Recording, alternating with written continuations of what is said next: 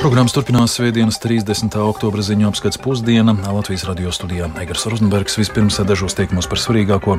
Seulā Halovīnas svinībās drūzmā dzīvību zaudējis vismaz 151 cilvēks. Ukraina saņēmusi no Slovenijas 28 tankus M55S. Latvijas teātri bažīgi par nākotni saistībā ar vispārējo dzīves dārdzību. Plašāk par visu nākamajās minūtēs.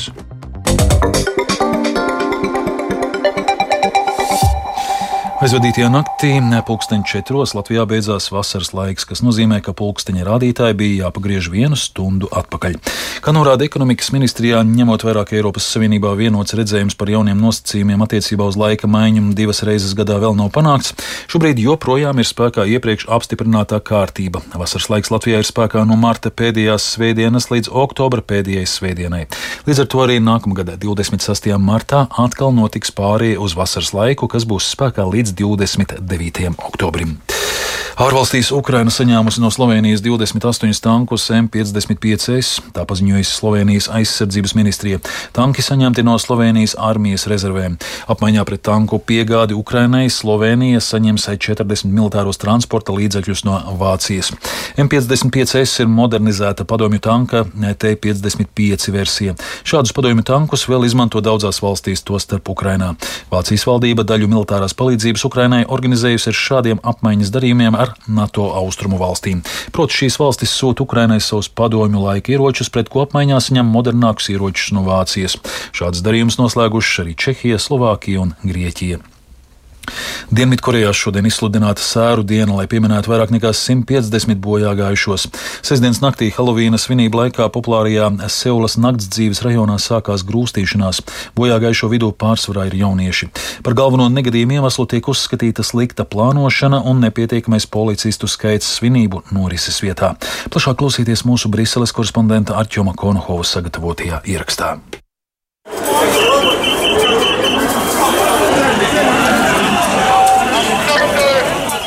Sesdienas naktī Korejas galvaspilsētas populārajā naktdzīves rajonā ir sanākuši daudzi svinētāji. Jaunieši pārsvarā bija ģērbušies Halovīna svētku kostīmos, un pēc divu gadu pandēmijas beidzot gribēja izklaidēties. Pēc atsevišķām aplēsēm populārajā naktdzīves rajonā atradās ap 100 tūkstošiem cilvēku. Bet tad vienā no šaurajām un slīpajām ielām, kur atrodas daudz populāru bāru un kafejnīcu, sākās drūzmēšanās. Cilvēki ielas galā ar vienu spiedu un mēģināja iekļūt tajā, neapzinoties, ka šaurā ieliņa jau ir līdz galam pilna. Tad cilvēki sāka klupt viens otram virsū.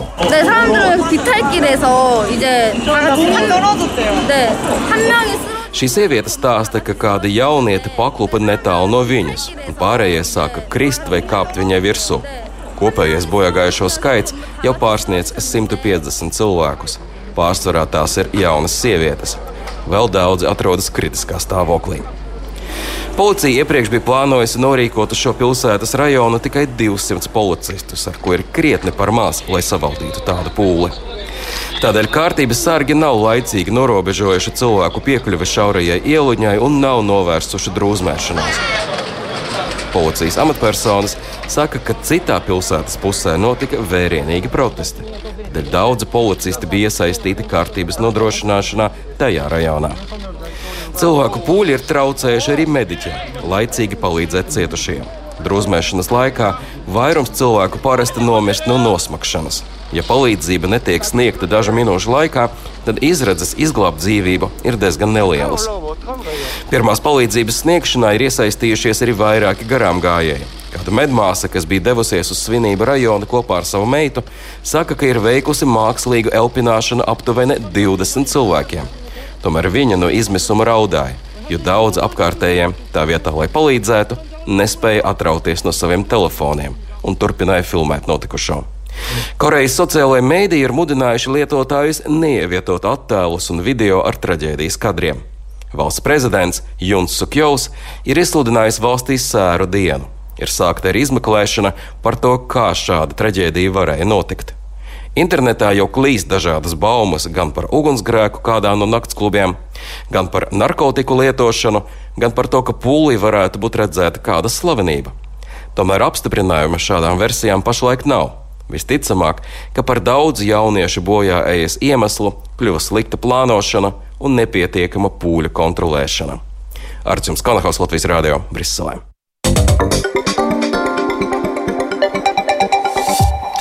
Lielākajai daļai Latvijas teātros skatītāju skaits šuruden ir mazāks nekā pirms pandēmijas, bet pagaidām par kritisku samazinājumu runāt nevarot. Visvairāk pieprasītas ir izrādes bērniem, kā arī muzikālās izrādes. Teātri gan neslēp bažas par nākotni saistībā ar neskaidrību, kādā apmērā var pieaugt nepieciešamās izmaksas un vispārējā dzīves dārdzība. Plašāk Baibas Kušķis ierakstā.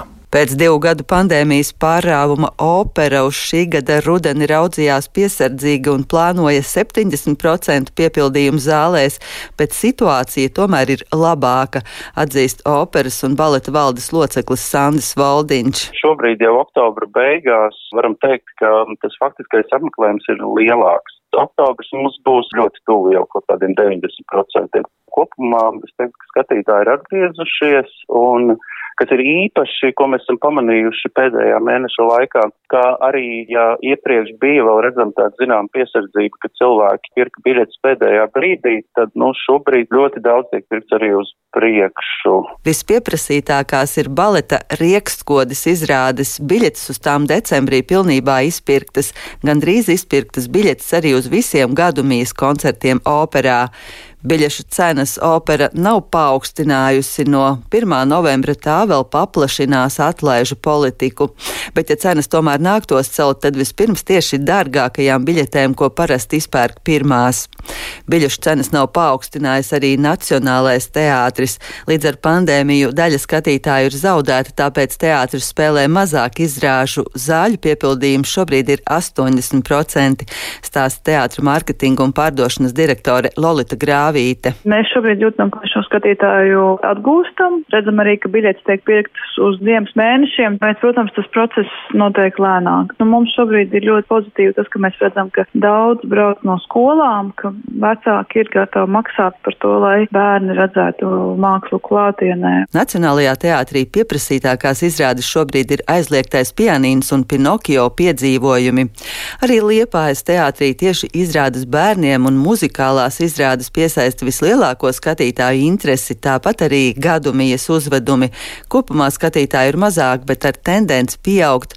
Tomēr nākotnē ir grūti raudzīties bez bažām, atzīst teātra direktors Herberts Lauksteins. Pagaidām Mēs nevaram teikt, ka mēs esam tagad no septembra, oktobrī kaut ko zaudējuši dikti no pirms Covid laika. Bet Nu, ir tas, kad cilvēki sāk saņemt rēķinus, nu, kas būs tālāk, mēs ar aizturētu elpu, nu, tā teikt, dzīvojam. Dailas teātrim savukārt šobrīd klājas pat labāk nekā pirms pandēmijas laikā.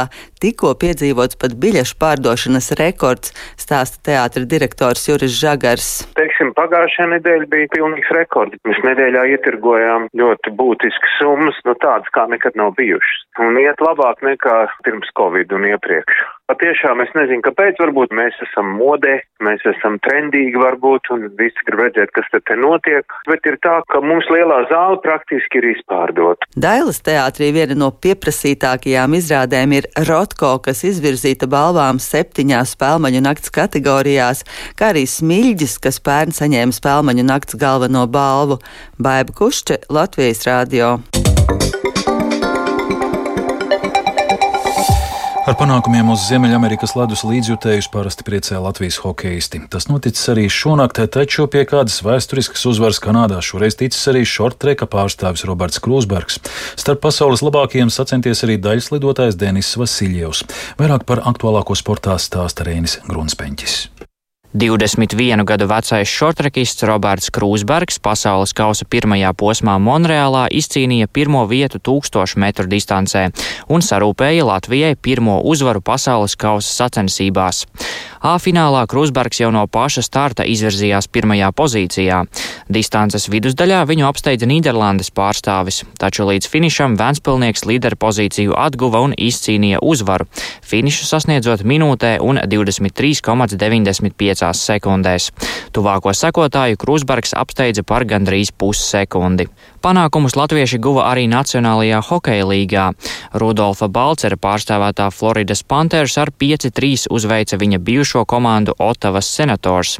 Jāpiemin, ka Florida izdarīja 58. 128 metienus pa pretinieku vārtiem, kas regulārajā sezonā ir kluba rekords. Balcers uz ledus pavadīja 11,5 minūtes, kuru laikā trīsreiz meta pa vārtiem. Savukārt Zemgus Girgensona pārstāvētā Buffalo Sabres atspēlējās no 1-3 deficīta un papildlaikā ar 4-3 pārspēja Čikāgas Blackhawks. Ar uzvaras vārtiem papildlaikā izcēlās Zviedrs Viktors Ulofsons, bet Girgensonam 12 minūtēs uz ledus divi metieni pa vārtiem un divi metieni nobloķēti. Netika veiksmīgi uz Ziemeļamerikas ledus gan šonakt gāja daļslidotājiem Denisam Vasiljievam, kurš Kanādā piedalījās sezonas otrajā Grand Prix posmā. Vasiljevs pēc īsās programmas bija septītais, bet izvēles slidojumā atkrita vien uz desmito vietu starp 11 dalībniekiem. Daugavpilietis izvēles programmā krietni atpalika gan no sava personiskā rekorda, gan sezonas labākā rezultāta, nopelnot 128,44 punktus. Summā tas deva 190 277,45 punktus, bet uzvarētājs ar 273,15 punktiem bija pasaules čempions Japānis Šoma Uno. Jau pēc neilga laika gaidāmas divas svarīgas spēles Latvijas futbola virslīgā, kur joprojām ir aktuāla cīņa gan par čempionu titulu, gan vietu sadalījumu nākamās sezonas Eirokausos. Valmieras Olimpiskajā centrā notiks kārtas centrālā spēle, kurā tiksies divas komandas, kuras abās no šīm cīņām ir iesaistītas. Pašreizējā līdere Valmiera un pagājušās sezonas čempione RFS. Rīdzniekiem šobrīd ir daudz saspringtāks spēļu grafiks, turklāt pēdējās septiņās spēlēs ir izdevies gūt tikai vienu uzvaru. Arī savstarpējo spēļu bilance starp RFS un Valmieru šogad ir labvēlīgāka valmieriešiem, kas divreiz spējuši uzvarēt un vienreiz spēlējuši neizšķirti. Otrā mačā futbola klubs Liepāja savā laukumā uzņems Tukums 2000 telmas futbolistus un mēģinās turpināt četru uzvaru sēriju. Liepājai ir svarīgi šajā spēlē neatdot punktus, lai saglabātu reālas izredzes uz trešo vietu un Eiropausu ceļzīmi.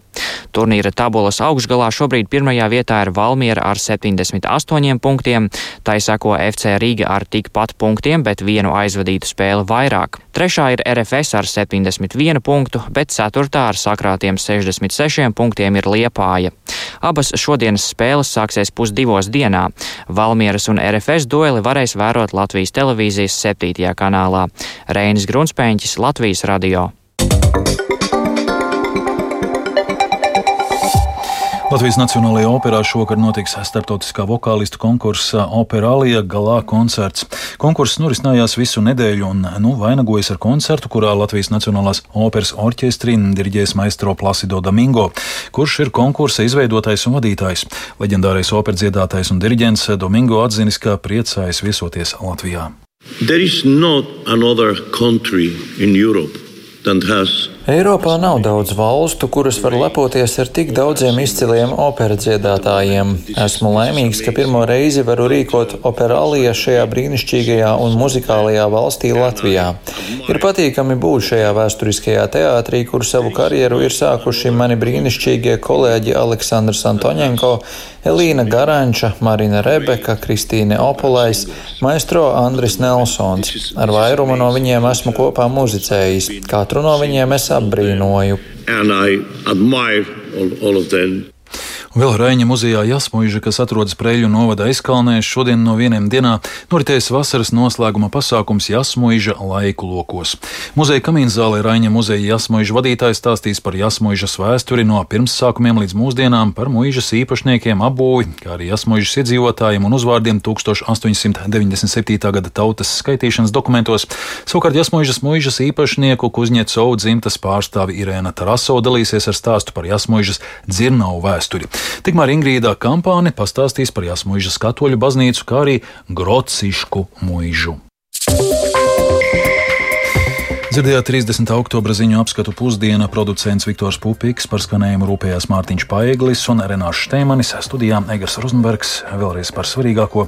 Seulā Helovīnā svinībās drūzmā dzīvību zaudējis vismaz 151 cilvēks, Ukraina saņēmusi no Slovenijas tankus, Latvijas teātri bažīgi par nākotni saistībā ar vispārējo dzīves dārdzību. Yeah.